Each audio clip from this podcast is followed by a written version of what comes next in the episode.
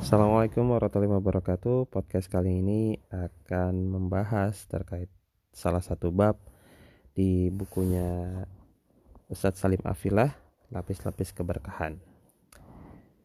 Babnya adalah terkait menghamba, menyambung takwa.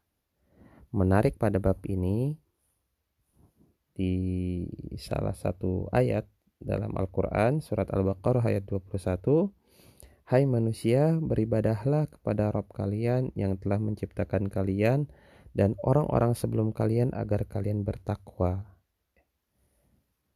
Ada dua kata di ayat ini, beribadahlah kepada Rob kalian, di akhir ayatnya agar kalian bertakwa. Yang menciptakan kalian sebelumnya, yang telah menciptakan kalian dan orang-orang sebelum kalian agar kalian bertakwa. Ada dua kata yaitu beribadah dan bertakwa.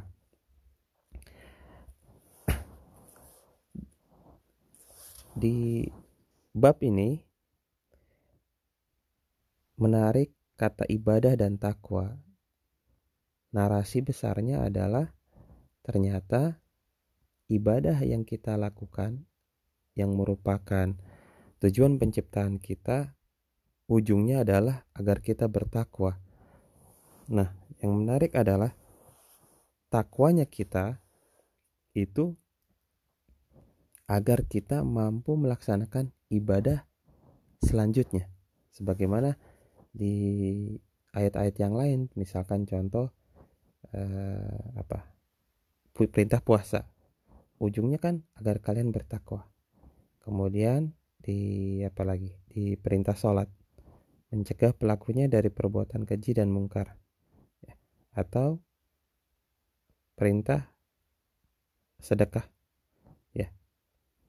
sang muzaki dibersihkan hartanya dan disucikan jiwanya dan tersirat juga dalam perintah haji. Ya. sebab sebaik-baik bekal menujunya adalah takwa. Jadi bekal untuk haji adalah takwa. Haji adalah ibadah. Jadi mempersiapkan takwa untuk melakukan ibadah lainnya ada salah satu paragraf di awal-awal ini uh, Ustaz Salim mengatakan ternyata dalam maknanya sebagai lapis-lapis keberkahan takwa adalah daur yang tak henti-henti. Ia tak boleh putus hingga kita mati. Jadi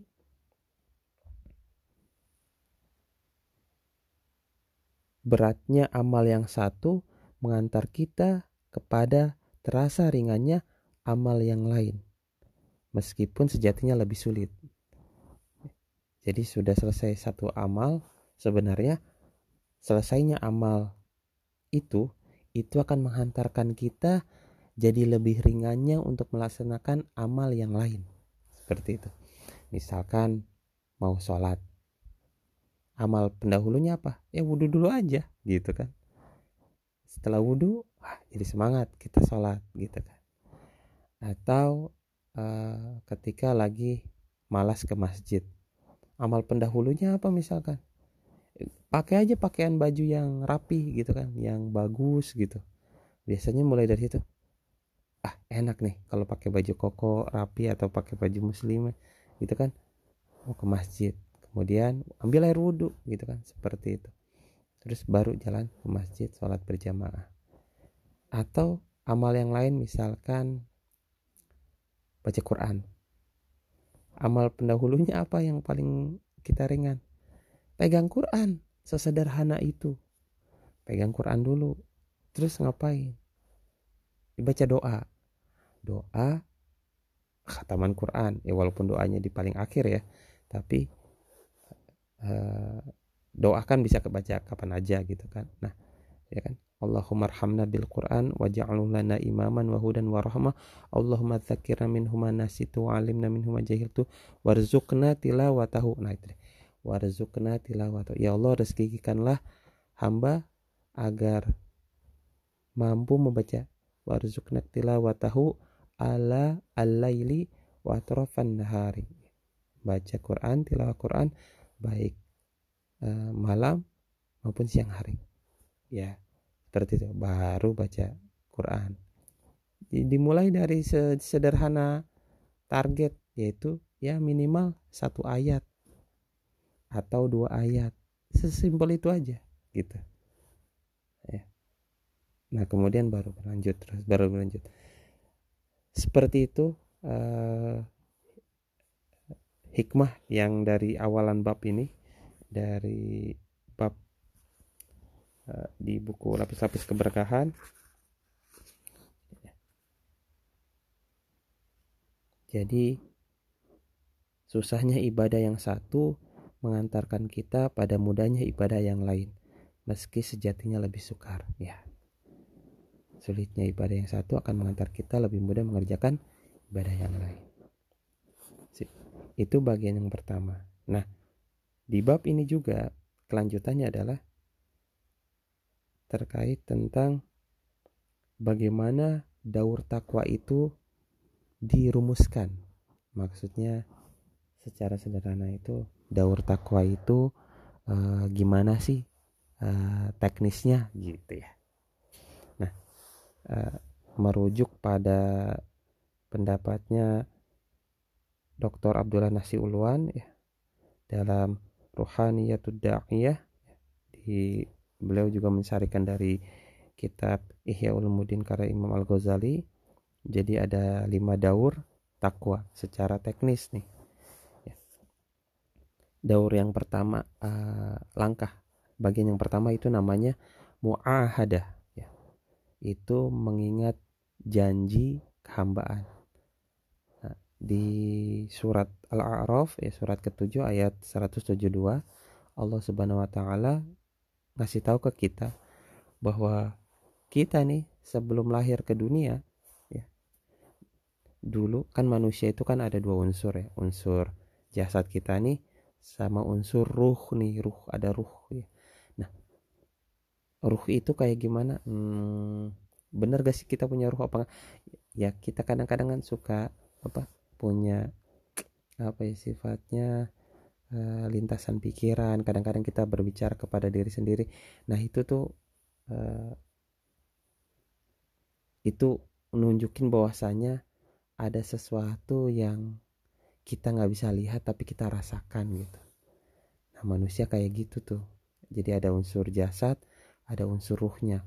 Ya urusan ruh sih memang Allah yang paling tahu lah gitu seperti itu tapi kita merasakan ruh itu ada gitu seperti itu nah uh, balik lagi di ayat uh, surat Al-A'raf ayat 172 Allah Subhanahu wa taala berfirman ngingetin kita bahwa kita di alam ruh tuh pernah berjanji.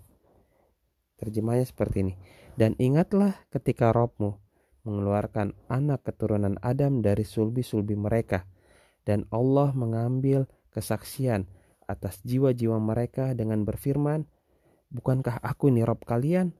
Mereka berkata, Benar, kami bersaksi atas itu. Yang demikian itu agar jangan sampai di hari kiamat kalian mengatakan, Sesungguhnya kami dari hal ini adalah orang-orang yang lalai tak menyadari. Jadi di ayat ini tuh Allah tuh ngasih tahu ke kita, ngasih taunya bukan uh, bukan menanyakan siapa gitu, tapi kalau kalau siapa Tuhan kan, siapa Tuhan kalian, ya kan seperti itu. Enggak, tapi pakai kalimat bukankah aku ini adalah Tuhan kalian? gitu kan. Bukankah aku ini Rob kalian? Terus jadi di kalimat tanya itu udah ada bentuk edukasi pada kita ya. Ruh-ruh yang menyaksikan secara langsung bahwasanya kita adalah ciptaannya Allah Subhanahu wa taala. Gitu. Nah dengan ingat-ingat perjanjian itu adalah awal dari kita uh, menguatkan daur takwa kita. Hmm, belum kerasa mungkin ya. Bayangannya kayak gini. Mungkin uh, para pendengar podcast ada yang pernah kerja apa yang bikin pendengar podcast mau kerja tiap hari? Pasti kontrak kerja kan? Ingat kontrak oh ya dulu gue pernah kontrak kerja seperti ini. Atau misalkan uh, pelajar. Kenapa akhirnya uh, mau mengerjakan pekerjaan yang disuruh guru gitu kan? Terus aja datang ke sekolah atau misalkan mahasiswa kenapa terus ke kuliah mengerjakan tugas? Karena merasa terikat dengan suatu ikatan entah kon entah kontrak sekolah lah atau misalkan di kampus lah jadi ada ikatan di sana yang akhirnya uh, itu mendorongnya untuk ngerjain tugas, datang ke sekolah, datang ke ruang kuliah gitu atau datang ke tempat kerja. Begitu juga dengan mengingat-ingat waktu dulu kita pernah berjanji bahwa kita adalah seorang hamba. Kita sadar bahwa kita secara sadar melihat bahwasanya Allah SWT adalah pencipta kita, maka kesadaran itu perlu kita ingatkan kembali agar dengan kesadaran itu kita makin terpacu untuk beribadah kepada Allah Subhanahu wa taala. Untuk melaksanakan apa yang memang tujuan kita diciptakan gitu.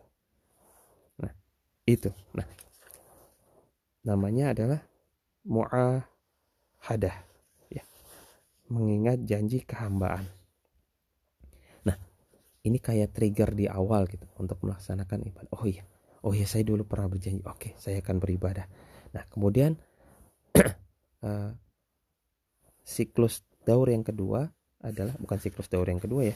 Istilahnya itu adalah uh, langkah ya. Langkah yang kedua dalam daur takwa itu adalah disebut dengan disebut dengan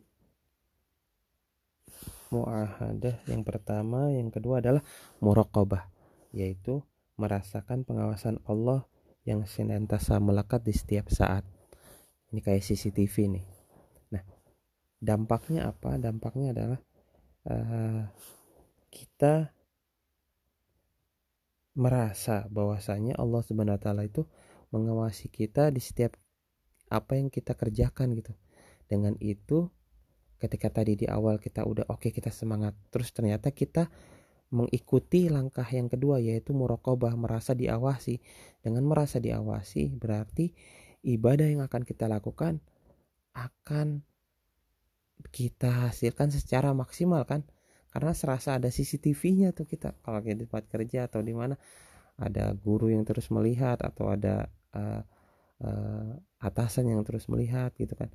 Seperti kalau ada yang memantau kan kayak apalagi yang memantau ini kan apa sang pencipta kita. Sang yang uh, membuat menciptakan kita di muka bumi gitu jadi pen, uh, apa ya istilahnya itu yang tujuan penciptaan kita adalah untuk beribadah. Karena itu kita berusaha semaksimal mungkin menghasilkan ibadah itu supaya profesional hasilnya maksimal terbaik lah gitu seperti karena kita menghadirkan perasaan terawasi gitu. Diawasi ya It, itu sebagaimana surat An-Nisa ya. Ayat 1 Allah Subhanahu wa taala berfirman dan bertakwalah kepada Allah yang dengan asmanya kalian meminta satu sama lain dan bersilaturahim. Sesungguhnya Allah senantiasa mengawasi kalian ya. Itu ya. Itu yang pertama ya. Eh, yang kedua uh, yaitu muraqabah nah yang ketiga ini setelah muraqabah itu adalah uh, kan tadi muahadah kita mengingat perjanjian kepada Allah muraqabah kita merasa terawasi oleh Allah nah yang ketiga itu disebut dengan uh, muhasabah muhasabah jadi gini kita kan uh, sejatinya adalah manusia. Nah, karakter manusia ya itu adalah pelupa gitu. Nah, salah satu obatnya pelupa adalah diingatkan. Nah, salah satu langkah praktis dalam mensiasati karakter kita yang pelupa dalam upaya kita terus tetap bertakwa adalah terus mengingat-ingati diri kita, memuhasabahi diri kita, mengingat kembali mengingat terus uh, akan uh, siapa diri kita di hadapan Allah Subhanahu wa taala. Cara-caranya gimana? Ya cara-caranya kan ada banyak. Ada misalkan lewat dengar azan, lewat sholat lima waktu, lewat uh, misalkan Jumatan, lewat Ramadan yang setahun sekali gitu kan. Jadi banyak instrumen yang Allah uh, apa sarana-sarana yang Allah uh, uh, sediakan yang kita uh, diwajibkan untuk melaksanakannya itu secara tidak langsung adalah justru sebagai uh, langkah kita untuk mengingat-ingati diri kita gitu. Nah, dalam upaya muhasabah ini juga yang perlu kita lakukan apa nih dalam langkah yang muhasabah itu kan yaitu uh, menengok kembali apa yang sudah kita lakukan sebelum-sebelumnya kalau muahadah kita mengingat awal perjanjian kita nih sebenarnya uh, perjalanan kita nanti di dunia ini, ini diawali dari apa? Dari janji itu tuh. Kita bahwasanya mengakui bahwa diri kita adalah ciptaan Allah dan Allah adalah pencipta kita dan kita adalah hambanya dia gitu seperti itu. Nah, kemudian selama melakukan perjalanan itu kan kita punya karakter apa? Pelupa kan. Nah, karakter pelupa ini pensiasatannya apa solusinya yaitu terus mengingati muhasabah mengingati jangan-jangan ya uh, dari tujuan penciptaan kita justru kita malah banyak melencengnya banyak melakukan perbuatan dosa. Allah Subhanahu wa taala mengingatkan kepada kita di surat Al-Hasr ayat 18 wahai orang-orang yang beriman bertakwalah kepada Allah dan hendaklah setiap diri memperhatikan apa yang telah ditindakkannya untuk hari esok. Dan bertakwalah kepada Allah sesungguhnya Allah Maha mengetahui terhadap segala yang kalian kerjakan. Ya. jadi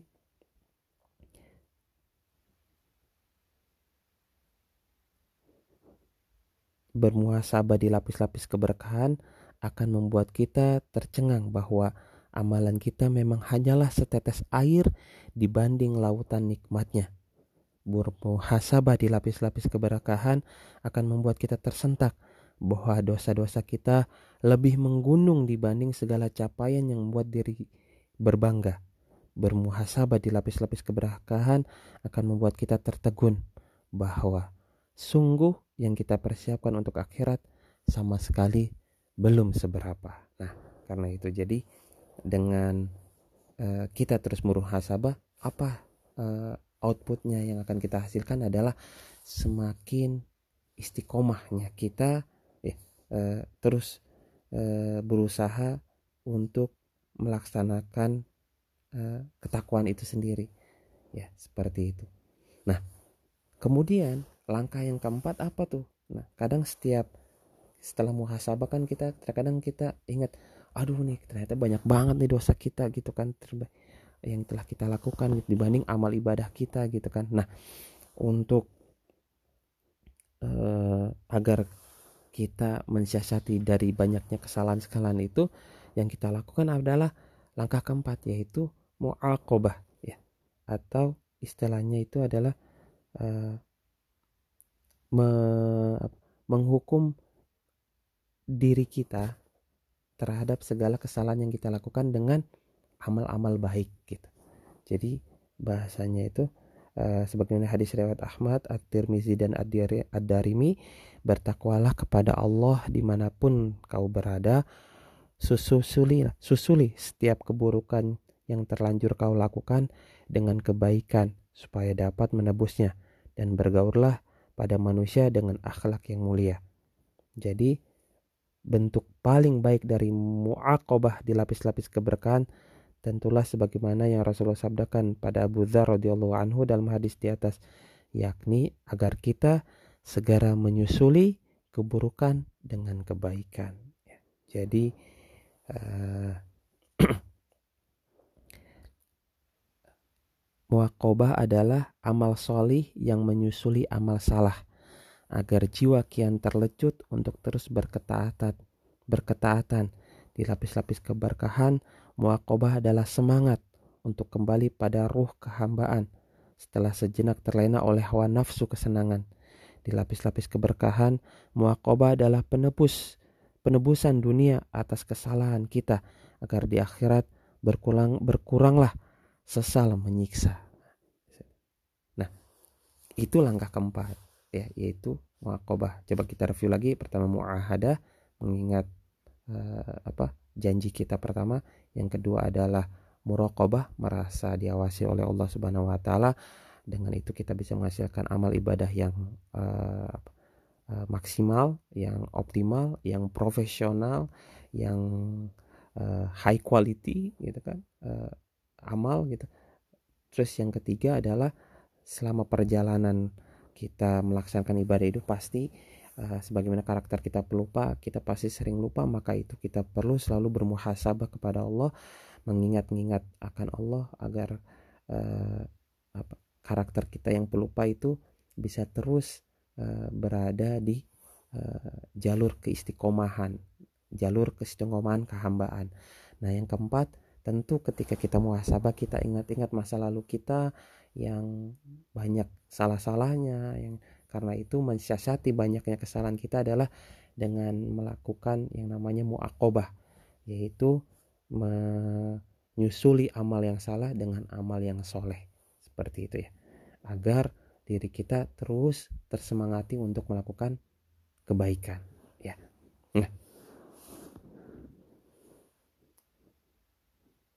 di lapis-lapis keberkahan muakobah adalah penebusan dunia atas kesalahan kita agar di akhirat berkuranglah sesal menyiksa. Oke. Nah, yang kelima, yang terakhir nih, yaitu langkah teknis dalam daur takwa kita ya adalah dengan senantiasa melakukan namanya mujahadah. Mujahadah itu kesungguhan, mengarahkan segenap yang ada pada diri demi meraih takwa hati. Ya. Jadi ini perjuangan dalam jiwa yang berwujud dalam tindakan nyata. Dia tekad dalam hati. Gitu. Uh, sebagaimana surat Al-Ankabut ya surat ke-29 ayat 69 Allah Subhanahu wa taala berfirman dan orang-orang yang bersungguh jihadnya dalam memenuhi perintah kami pasti akan kami tunjukkan padanya jalan-jalan kami. Jadi sungguh jihadnya dalam memenuhi perintah kami pasti akan kami tunjukkan jala, padanya jalan-jalan kami. Jadi kesungguhan itu adalah untuk melestarikan kebaikan-kebaikan kecil yang berhasil kita capai. Sebab betapa berharganya amal soleh yang dirutinkan tak terputus meskipun hanya sekelumit. Ya. Ya. Eh, dalam hadis riwayat Muslim Rasulullah SAW bersabda amal yang paling uh, baik dan dicintai oleh Allah adalah amal yang berkesinambungan meskipun ia sedikit. Jadi sungguh-sungguh adalah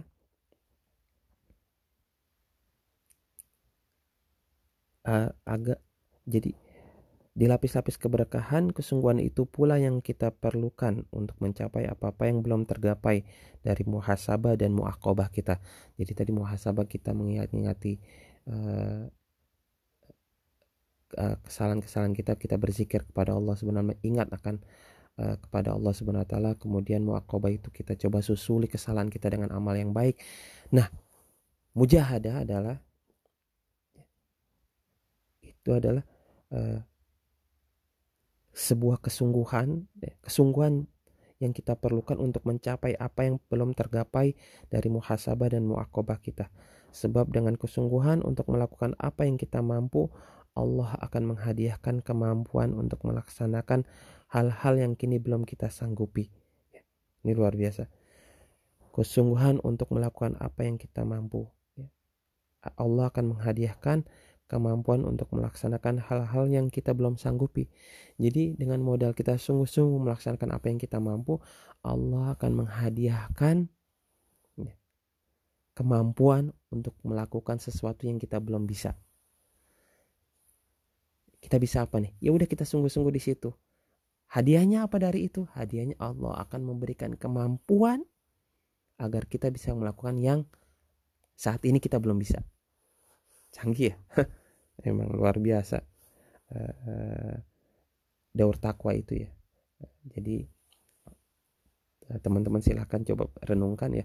Dari muahada itu kayak uh, inner motivation gitu kan. Kemudian ada murokobah makin mendorong lagi kemudian ada muhasabah kita kemudian ada muakobah kita susu makin termotivasi kita jika ada kesalahan yang kita lakukan gitu kan. Terus terakhir mujahadah. Dari mujahadah ternyata hadiah dari mujahadah apa yang kita bisa sekarang adalah kita diberikan kemampuan untuk melakukan uh, hal-hal yang saat ini kita nggak mampu mirip kayak main game mungkin ya. Jadi setelah kita sungguh-sungguh dengan uh, tools yang kita punya saat ini kemudian kita selesaikan mission pada saat itu maka di akhir mission kita kayak dapat apa senjata baru lah skill baru lah kemampuan baru yang padahal di stage sebelumnya kita belum bisa mampu. Tapi setelah di akhir ujung stage itu mission itu ternyata kita dapat sebuah kemampuan untuk melaksanakan uh, misi selanjutnya yang lebih berat padahal. Ya tapi uh, kita hanya bisa melakukan itu ketika kita selesai stage itu dan Allah mention bukan masalah selesainya tapi sungguh-sungguhnya. Jadi bukan selesainya amal ibadah tapi sungguh-sungguhnya kita. Luar biasa. Jadi amal hatinya itu yang yang Allah lihat ya. Kesungguhan untuk melaksanakan itu semampu kita melaksanakannya. ya seperti itu jadi sebab kesungguhan untuk menunaikan apa yang telah kita kuasai akan menjadi pintu pembuka bagi menjalankan apa-apa yang lebih agung lagi jadi di paragraf terakhir ya di lapis-lapis keberkahan karunia kehambaan terindah adalah hidayah jalan untuk beramal yang lebih besar sesudah amal. Petunjuk menuju jalur kesalihan yang lebih tinggi sebagda kesalihan. Ia bermula dari mujahadah. Ya. Karena kehamba karena karunia jadi hadiah beribadah yang paling luar biasa buat kita adalah ketika kita setelah melaksanakan amal ibadah itu kita diberikan kemampuan untuk beramal yang lebih besar lagi dari amal sebelumnya. Wallahualam bisawab. Demikian sedikit uh, insight dari bab dari bab apa nih judulnya ya? Babnya menghamba menyambung takwa ya. Uh, ada paradigma terkait tentang ibadah dan takwa. Ibadah adalah tujuannya untuk menghasilkan takwa sedangkan takwa itu akan menghasilkan semangat kita untuk melaksanakan ibadah yang lain jadi itulah daur takwa nah daur takwa itu secara teknis kita eh, apa yang perlu kita lakukan langkah-langkahnya adalah ada lima muahaba eh, muahada mengingat perjanjian Allah ya terus kemudian eh, kedua adalah muraqabah yang ketiga adalah muhasabah, yang keempat adalah muaqabah, yang kelima adalah mujahadah. Semoga bermanfaat. Semoga podcast kali ini bisa memberikan keberkahan buat kita semuanya. Wallahualam bisawab. Wassalamualaikum warahmatullahi wabarakatuh.